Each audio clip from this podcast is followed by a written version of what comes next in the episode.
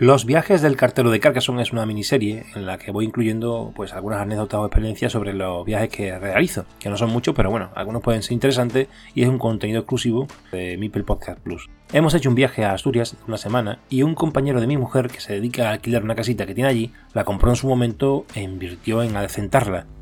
Pero antes de llegar aquí desconocía la ubicación de la vivienda. A través del GPS sabía dónde se encontraba a la hora de dirigirme allí, pero ni idea de que estaba en la ladera de una montaña, menos aún alejada de carreteras principales, o sea, en la Asturias profunda, digamos.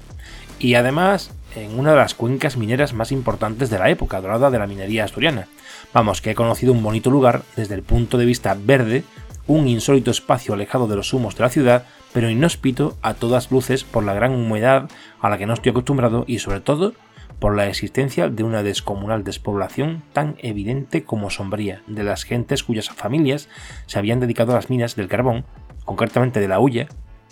y que en esa zona cubrían por miles las numerosas viviendas, no solo casas, sino cientos de bloques de pisos en montaña, algo sorprendente a la vista, que fueron cedidas en una gran parte por la empresa pública UNOSA, mayoritariamente tras la unificación de empresas privadas del sector que operaban de forma aislada. Luego, aparte de playas y ciudades, de Asturias, aparte de buena comida y buenas gentes, he tenido ocasión de visitar una mina real, la de San Luis, en el poblado minero de La Nueva, explotada por la empresa que lleva su nombre, Carbones La Nueva, y que comenzó las extracciones en 1930. Actualmente es el Ecomuseo Minero de Langreo, que junto con el Museo de la Minería en la misma ciudad ofrecen al visitante un recorrido por lo que fueron las minas asturianas y este gran impulso económico del sector minero de la región, sino también nacional que comenzará en el siglo XIX y que llega prácticamente hasta el siglo XXI.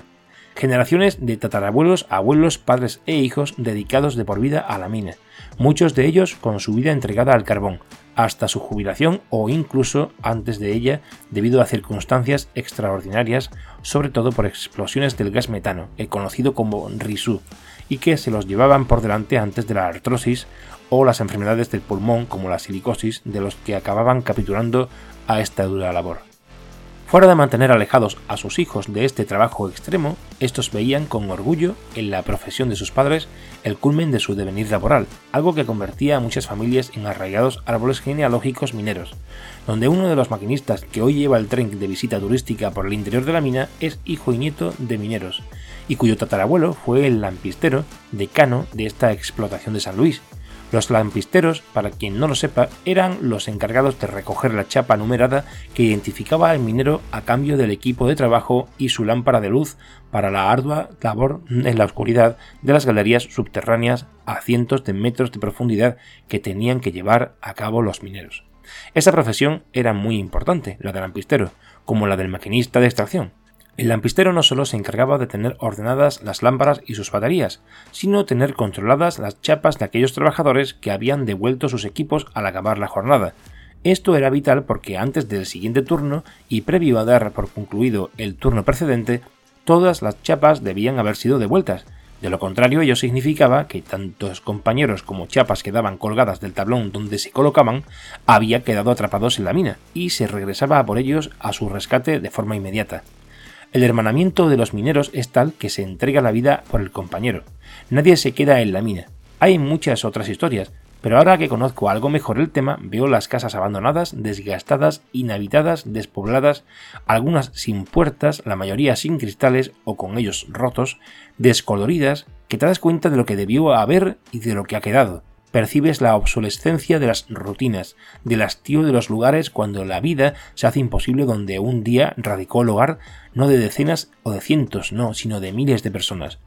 De las explosiones de gas la minería aprendió, y aunque ahora ya nada es igual, pero en su momento, para evitar las asfixias o una inminente explosión por acumulación de risú, llegaban a bajar a la mina pequeños pajaritos o canarios debido a que eran los primeros afectados ante esta inhalación con posterioridad llegaron los sensores que alertaban de la presencia del gas a determinados niveles nocivos o peligrosos, a los cuales, por analogía con su historia precedente, se les denominó pajaritos. Hay muchas historias detrás. Asturias fue minera, y aunque ya lo es menos, pero tiene otras vidas. Id a conocerla, no solo las playas de Asturias, sino también las ciudades y las montañas y el clima, también la minería. Hay una ratonera bajo el suelo generada durante décadas a lo largo de casi tres siglos de historia que merece la pena ser reconocida, si no por el conocimiento del asturiano, sí por el reconocimiento de lo que ha significado para su pueblo y el propio pueblo español. Asturias, tierra querida.